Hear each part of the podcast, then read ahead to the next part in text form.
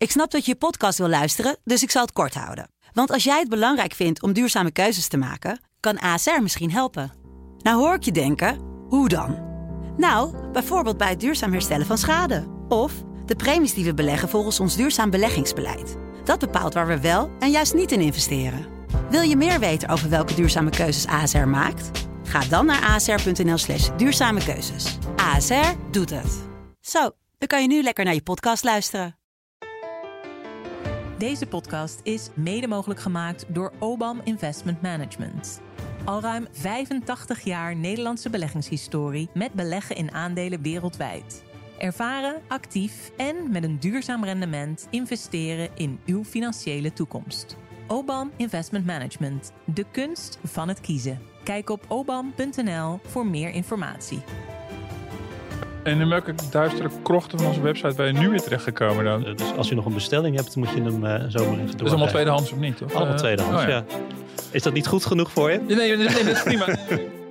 Dit is Kwestie van Centen, een podcast van de Financiële Telegraaf met Martin Visser en Robert Ophorst.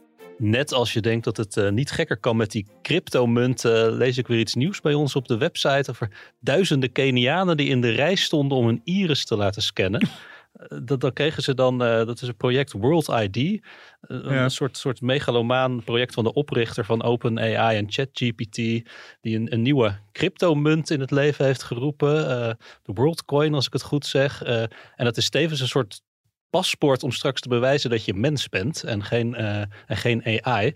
Dus zoveel mogelijk mensen moeten dan hun, eh, hun, hun iris laten scannen, worden geregistreerd, opgenomen in een of andere database en daar krijgen ze dan eh, omgerekend 50 euro aan eh WorldCoin voor. En in welke duistere krochten van onze website ben je nu weer terechtgekomen Dit was dan? op de buitenlandredactie. Onze correspondent eh, Ruud Elmendorp in Afrika, die, eh, die dit eh, optekende in. Nairobi. Ja. Ja, ik weet dat jij ook geen, eh, eh, of dat jij een scepticus bent van de crypto, dus ik kan hier lekker Maar eh, dit tegen klinkt jou... echt eh, heel vertrouwenwekkend. Dit, hier moeten we al- vooral allemaal ons geld in steken. Dit heeft de toekomst. Ik voel het aan alles. We hadden het een paar weken terug heel eventjes over dat nieuwe seizoen van de dystopische science fiction reeks Black Mirror op Ja, Netflix. ja. Nou, hier komt alles wel samen. Hè? Crypto, AI en. Big Brother. Ja, iris scans. Ja, nee, zeker. Dat, en dat wordt allemaal opgeslagen in, in Kenia. Dus, Ja, het was ook nog niet bekend. Nou, dat niet alleen in Kenia hoor. AVG-proof zijn, ik zomaar. Nou, zelfs voor de Keniaanse overheid was dit een beetje te gortig. Eh, Oh ja. Nee, het is ook helemaal niet duidelijk wat er met al die data moet gebeuren, Hm. eh, begreep ik. Nou ja.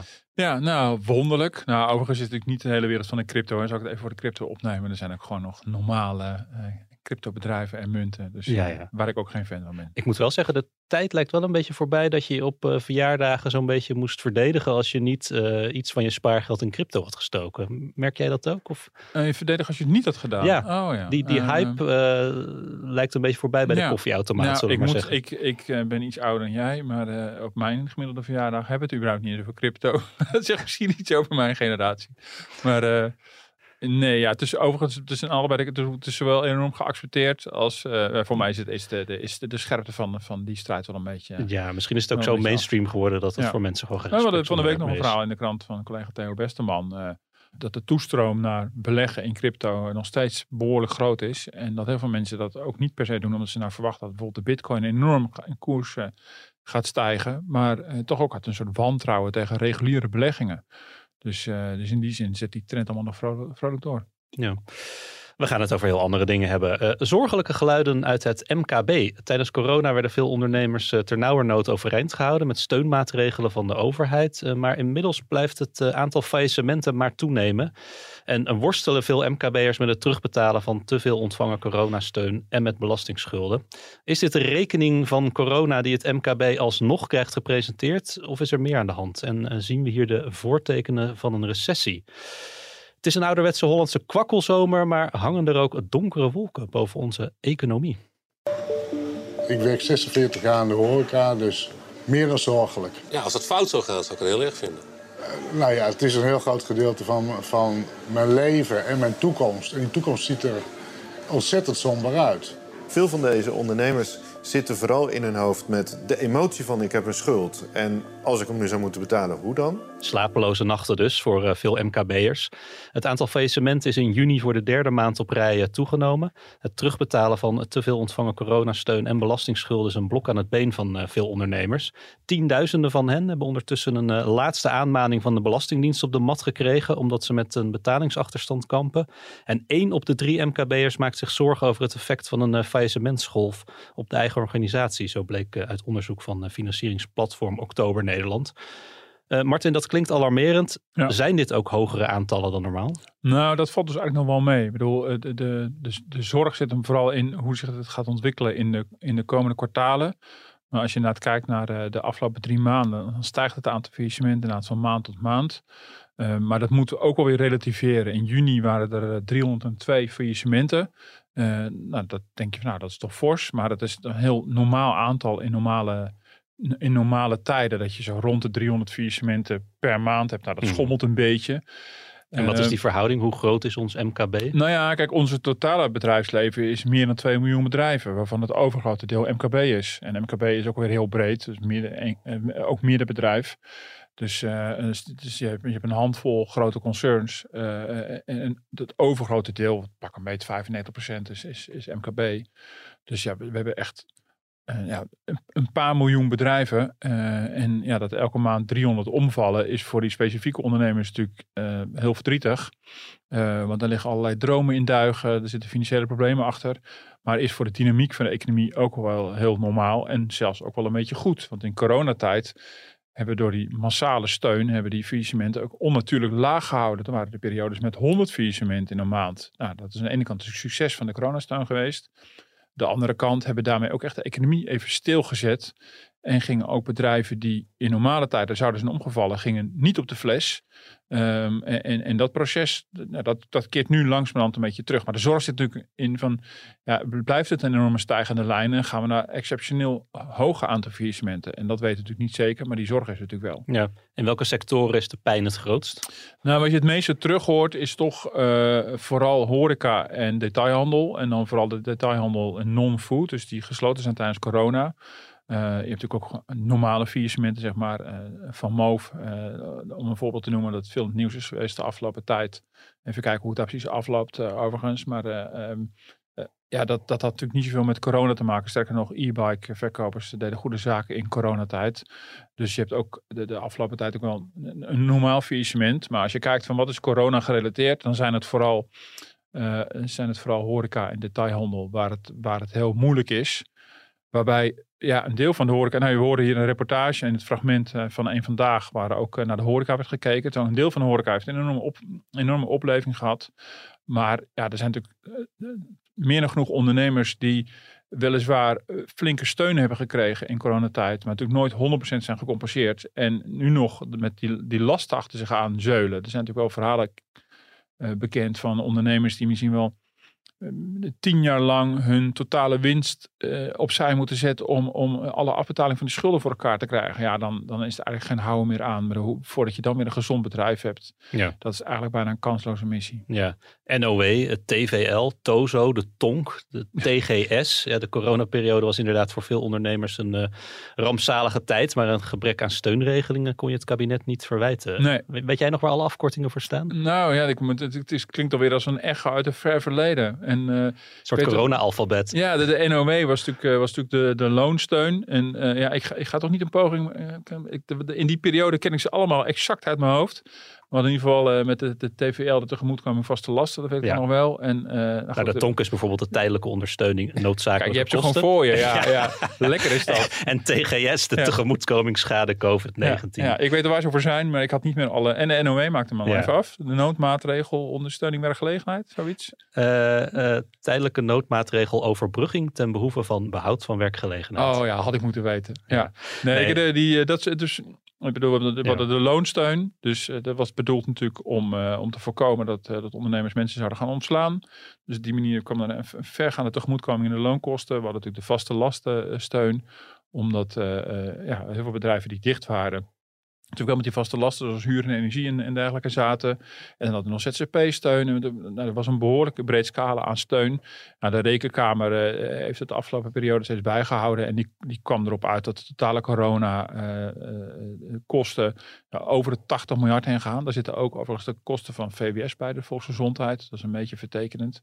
maar dat gaat Die hebben ook om... niet op een dubbeltje meer of minder gekeken. Nee, daarom. Dus, en dat gaat echt om hele forse bedragen waarvan die loonsteun, die NOW, echt veruit de grootste was. Ja. Ja, um, ja ruim 237.000 ondernemers moeten nog coronaschulden terugbetalen. En daarvan hebben 45.000 überhaupt niks van zich laten horen. Ja. Staatssecretaris van Financiën Marnix van Rij die waarschuwde eerder ook al. Ook zij moeten terugbetalen en uiteindelijk zullen zij met een deurwaarder te maken krijgen.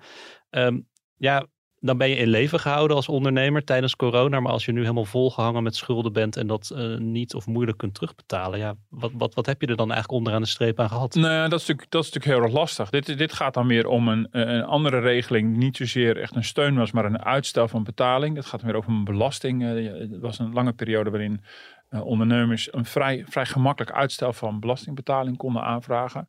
Maar heel veel van die ondernemers moeten bij inzien wel gewoon belasting betalen. Ook al ook met een geringe omzet Um, uh, dus dus ja, dat, dat hoopt op tot, tot meer dan 16 miljard inmiddels. Uh, ja, waarvan een, een, nou, tussen 40, 50.000 ondernemers nog moeten beginnen met afbetalen. En ja. de, de toon vanuit de Belastingdienst wordt steeds dreigender.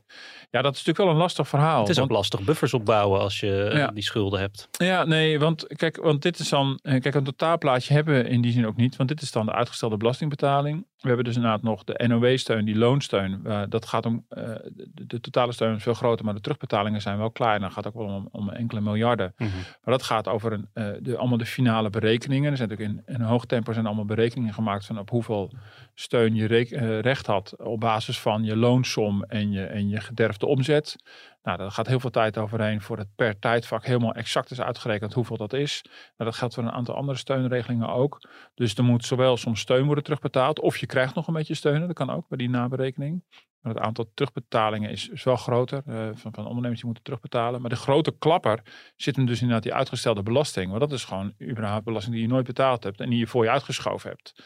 En je hebt best kans dat bijvoorbeeld een horecaondernemer uh, wellicht ook nog afspraak met zijn leverancier had gemaakt. Of een afspraak gemaakt had met zijn huurbaas voor, uh, voor uh, coulance rondom de huur. Dat is per, per bedrijf is het mm -hmm, verschillend. Ja. En, uh, maar die staan nu allemaal op de stoep uh, met, met onbetaalde exact. rekeningen. Ja, en het ingewikkelde is, we hebben hier veel over geschreven, ook in coronatijd. Uh, echt, en het is inmiddels alweer een jaar, twee jaar geleden dat we ook pleidooi in de krant hebben gehad. Van probeer te kijken of je tot een soort, soort, soort totale regelingen voor die, voor die totale schuld zou kunnen komen.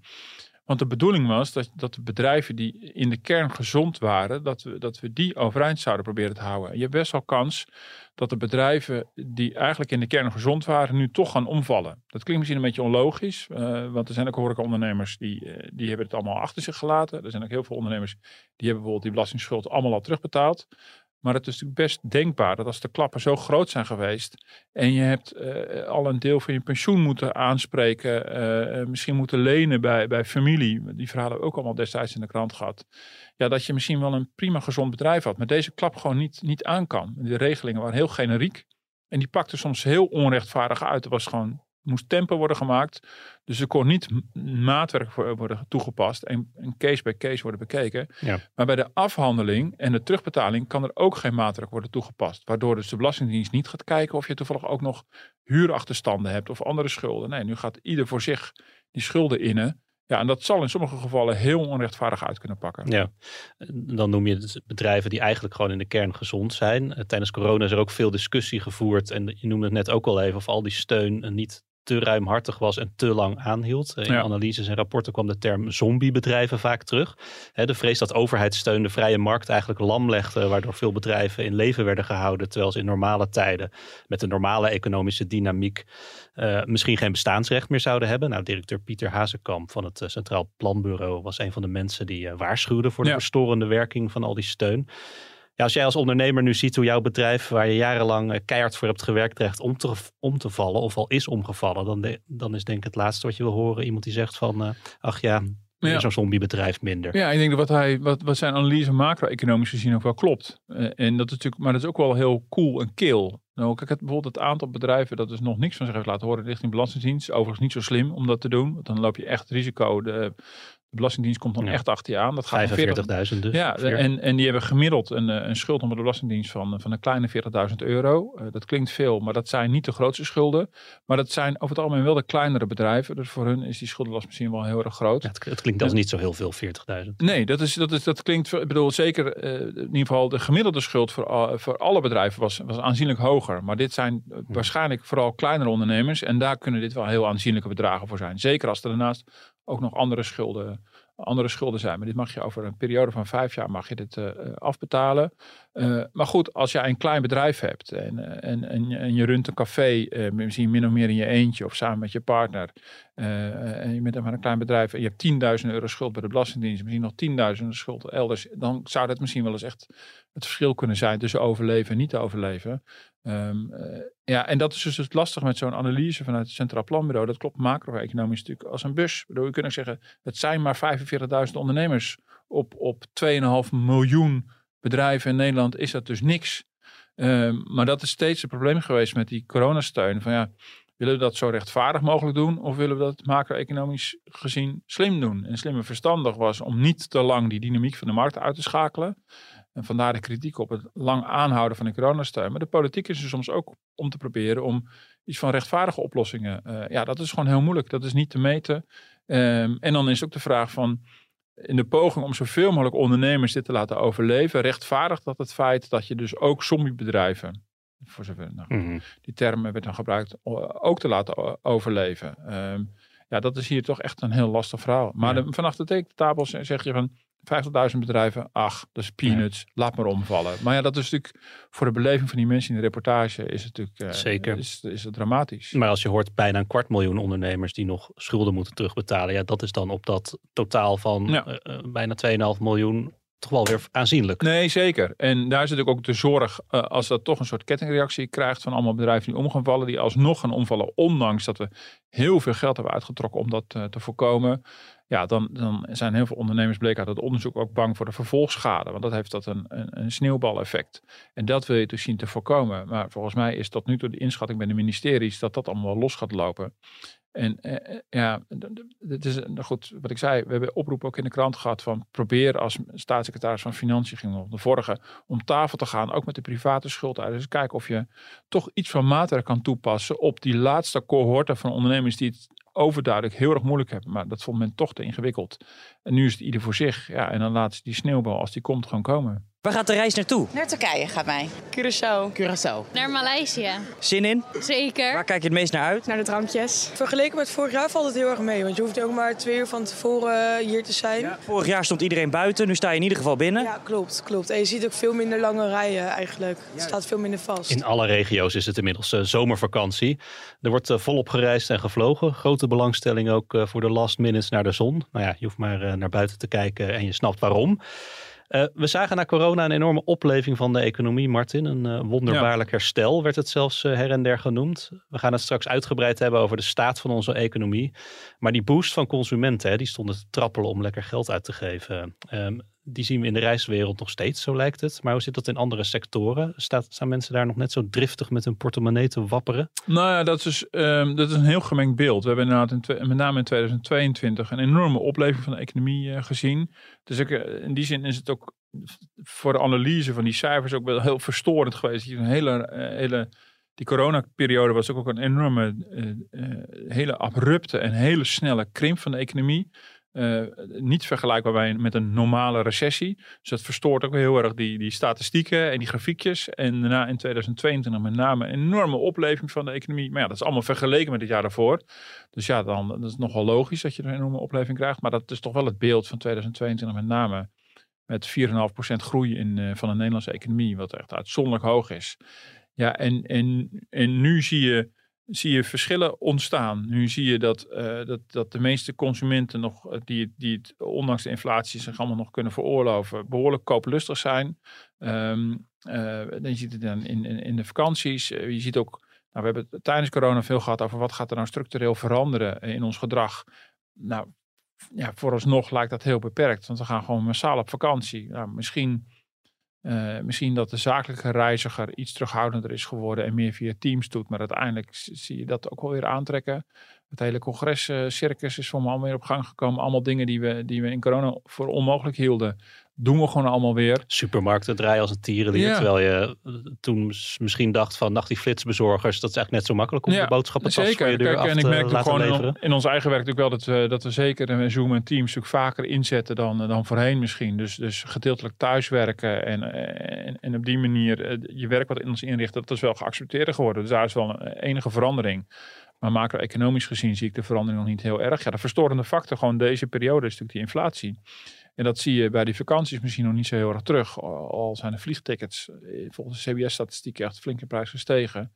Maar je zag wel weer dat heel voorzichtig aan ook wel de detailhandel, detailhandel onder druk begint te staan die wel dikke omzetstijgingen boeken. Maar dat is allemaal dankzij de prijsstijgingen. Want als je gewoon kijkt naar de hoeveelheid van wat we kopen, dan begint het echt al, uh, begint het echt al te dalen. Ja. Uh, dus daar zie je wel uh, verschillen ontstaan. Ja, dus zo enthousiast eigenlijk als we waren na corona om al dat opgepotte geld weer uit te geven, dat, dat enthousiasme wordt nu eigenlijk vooral geremd door de inflatie. Ja, zie dat, is, dat is vooral, we zijn of dat geld gewoon kwijt aan die hogere prijzen.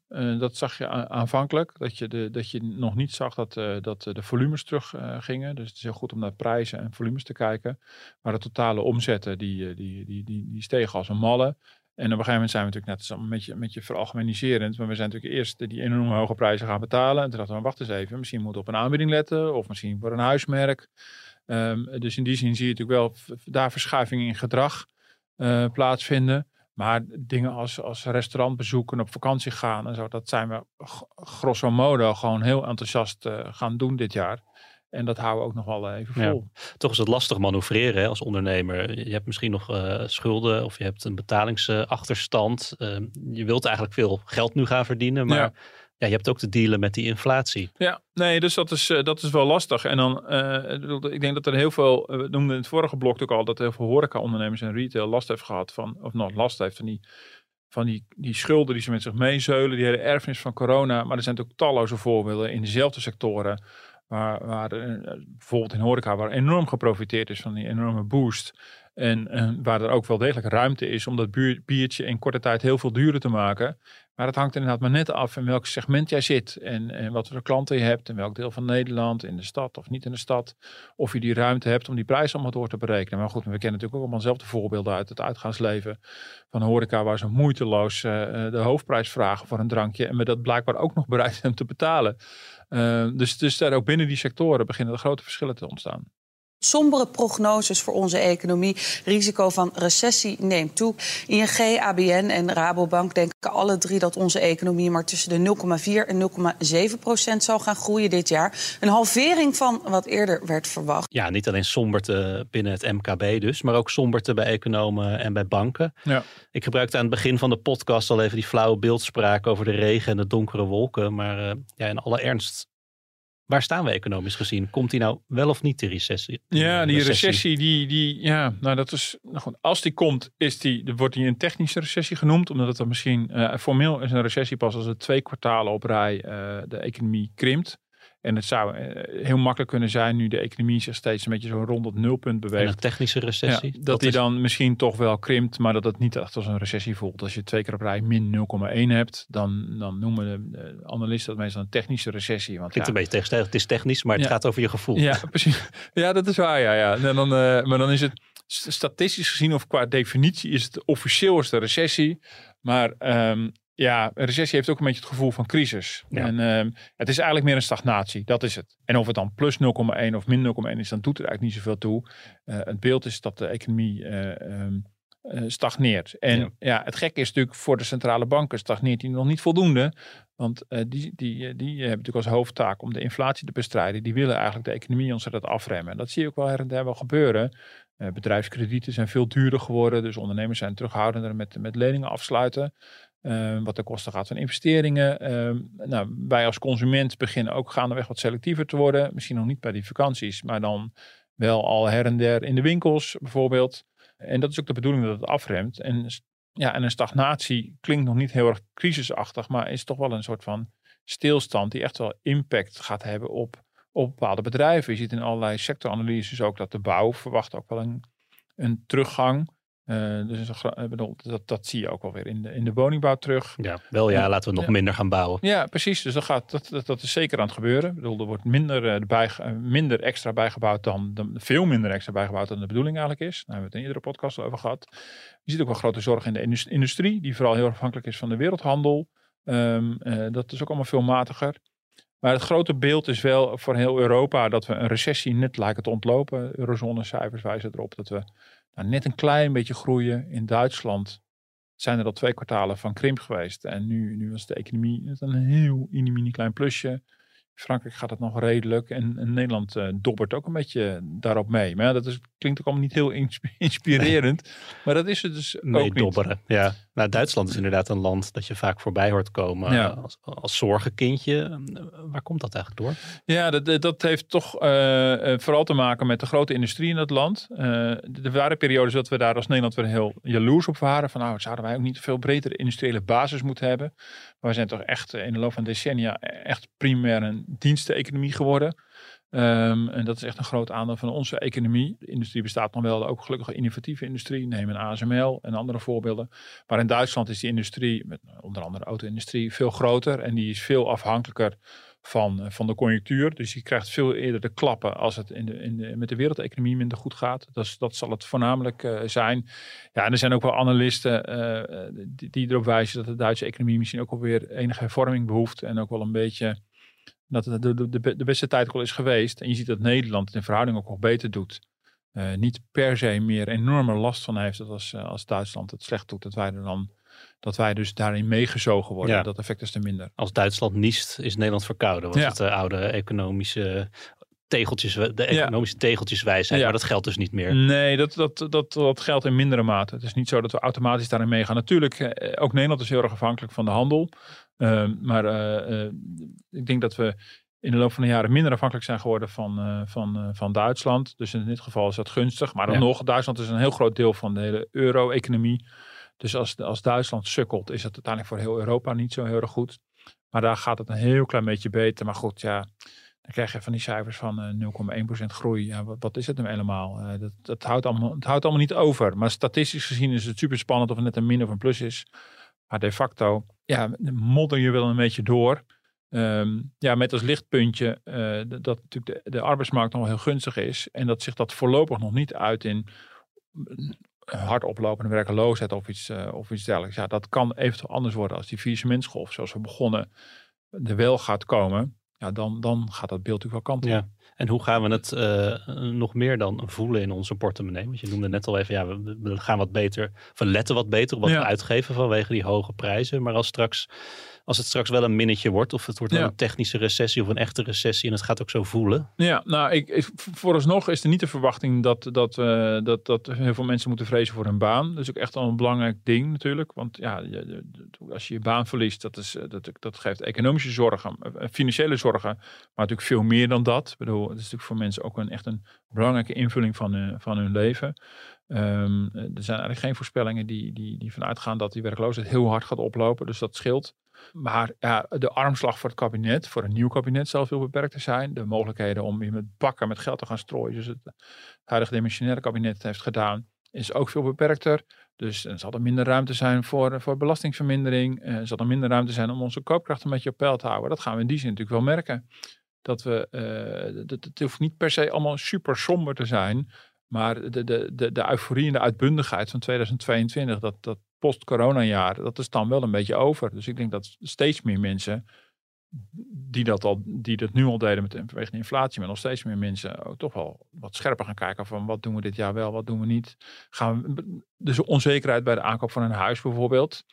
Misschien kan je het je wel veroorloven, maar voel je gewoon te onzeker om die stap te wagen op dit moment. Dus je kan wat uitstelgedrag krijgen. Dan kan me voorstellen dat het sowieso bij grote uitgaven, bij het aanschaf van een auto bijvoorbeeld. Dat je denkt, ja, ik kan het wel betalen, maar durf ik het nu ook? Dus mensen worden wat afwachtender. En denk je, dat, dat soort reacties zult gaan zien.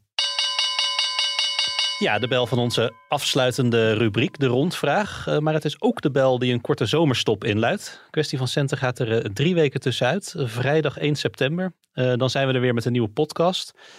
Tot die tijd moet je het met deze aflevering doen. Nou, kom maar door met die inspirerende woorden, Martin. Mensen moeten hier, eh, onze luisteraars moeten hier drie weken opteren.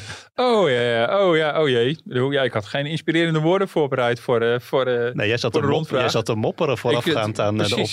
ja, ik, nou, ik sta nog een beetje in, een- in een mopperstand. Want ik heb, ik, heb, ik heb deze week ervaren dat je beter een gestolen fiets niet terug kunt vinden.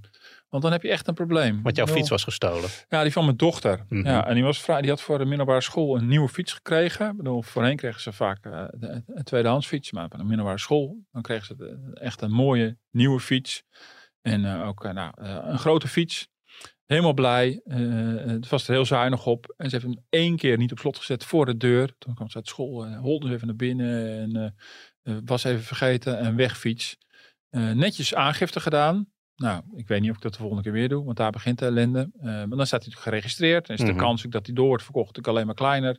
Ik had eh, absoluut niet de illusie dat de politie hem dan voor me ging opsporen. Dat heb ik echt niet eh, Dus je verwacht. had nog gehoopt, misschien dat als hij wordt doorverkocht, dat jij hem dan op marktplaats ziet. Bijvoorbeeld, ik heb een poosje op Marktplaats gekeken, maar ik heb ook even rondjes in de buurt gefietst. Want ik had dat zoiets, ja, dat is gewoon voor ons huis. Dat is niet een hele eh, de- professionele diefstal. Dat is gewoon iemand heeft hem meegenomen uit gemak of baldadigheid. Ja, dat staat vast drie blokken verderop. Fietst, fietst er opeens een, een, een schimmig uitziende man van middelbare leeftijd op een, eh, op een roze kinderfiets. Ja, meisjesfiets. Ja. Ja. Maar uiteindelijk, maanden later, heeft mijn dochter hem zelf teruggevonden eh, eh, onlangs. En zegt, ja, maar dat is mijn fiets. Maar gewoon in de buurt zag ze In de buurt, ja, bij, het- bij het winkelcentrum. En die dacht, ja, dat is gewoon mijn fiets. Ik neem hem mee naar huis. Nou, ik Hij stond weer niet op slot. Nou, hij stond wel op slot. Ze heeft hem, eh, was samen met een vriendin hem opgetild. En Oh ja. thuis bleek het reservesleuteltje inderdaad op te passen. En het was gewoon haar fiets. En weet ik wat allemaal.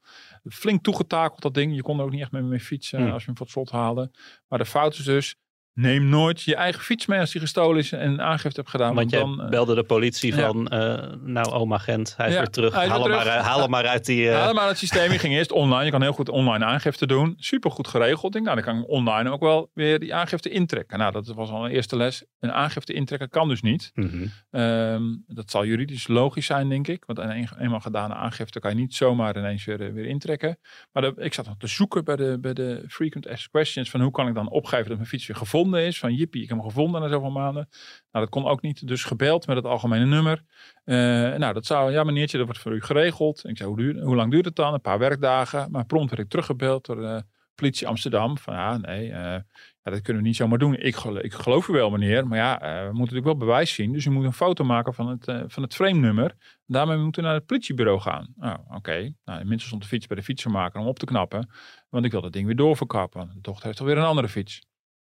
Ik naar de fietsenmaker om een frame-nummer te, te, te fotograferen. Naar het politiebureau toe. Nee, meneertje, dat kan natuurlijk niet. Ik bedoel, eh, een foto is niet genoeg. We moeten met de fiets hier komen. Ja, met de fiets Had je inmiddels komen. al een paarse krokodil onder je arm? Ja, is met, met de fiets hier komen. Hoe moet, die, hoe moet die fiets hier dan komen? Ik bedoel, die staat nu met, de- met de fietsenmaker. Daar kan hij niet eens op fiets. Ja, dan moet hem eerst laten repareren. En dan komt de fiets hier naartoe. Ja. Ik zeg, ja, maar bedoel, het gaat maar 200 euro kosten om te repareren. Heb ik een garantie dat hij dan uit het systeem wordt gehaald? Of heb ik alsnog een gestolen fiets? Nou, die garantie kreeg ik dan mondeling. Maar waarom heeft u die fiets eigenlijk meegenomen, meneer? Was toen de vraag. Ik zei, ja, die, eh, die was gewoon van ons. Dus die neem ik gewoon mee. Had niet gemogen. Ik had de politie moeten bellen. Dan waren ze langsgekomen om te constateren of het daadwerkelijk onze fiets was. Want misschien was dit te goede trouw door iemand gekocht. Ja. En ik zei, ja, dat was dan wel een illegale verkoop. Ja, ik, ik krijg nu het hele verhaal. Maar ik, het was een enorme paarse krokodil. Iedereen was super aardig. Dat maakt het nog veel erger. Dus, Ja, eh, je en dat? ze waren heel meelevend. En eh, nee, we begrijpen Oh, het dat heel zou erg voor mij wel een troost zijn. Ja, nee, voor mij helemaal niet. Nee, Oh. ze hadden alle begrip. Dat vond ik nog het allerergst. Maar, En wat is dan kan je, namelijk de- helemaal niet, je kan namelijk helemaal niet boos worden. Nee, dan. kon jouw woede niet Maar kwijt. toen dacht ik nog van nou, maar, maar wat ik anders dan kan doen, is dan ga ik nu naar de fietsenmaker en bel ik daar de politie op. Dan kunt u daar komen constateren dat onze fiets is. Nee, dat zal niet gaan. Ik zeg maar, als ik gisteren had gebeld met die fiets nog bij het winkelcentrum, dan was u wel langsgekomen. Ja, dan wel. Maar nu dus niet meer.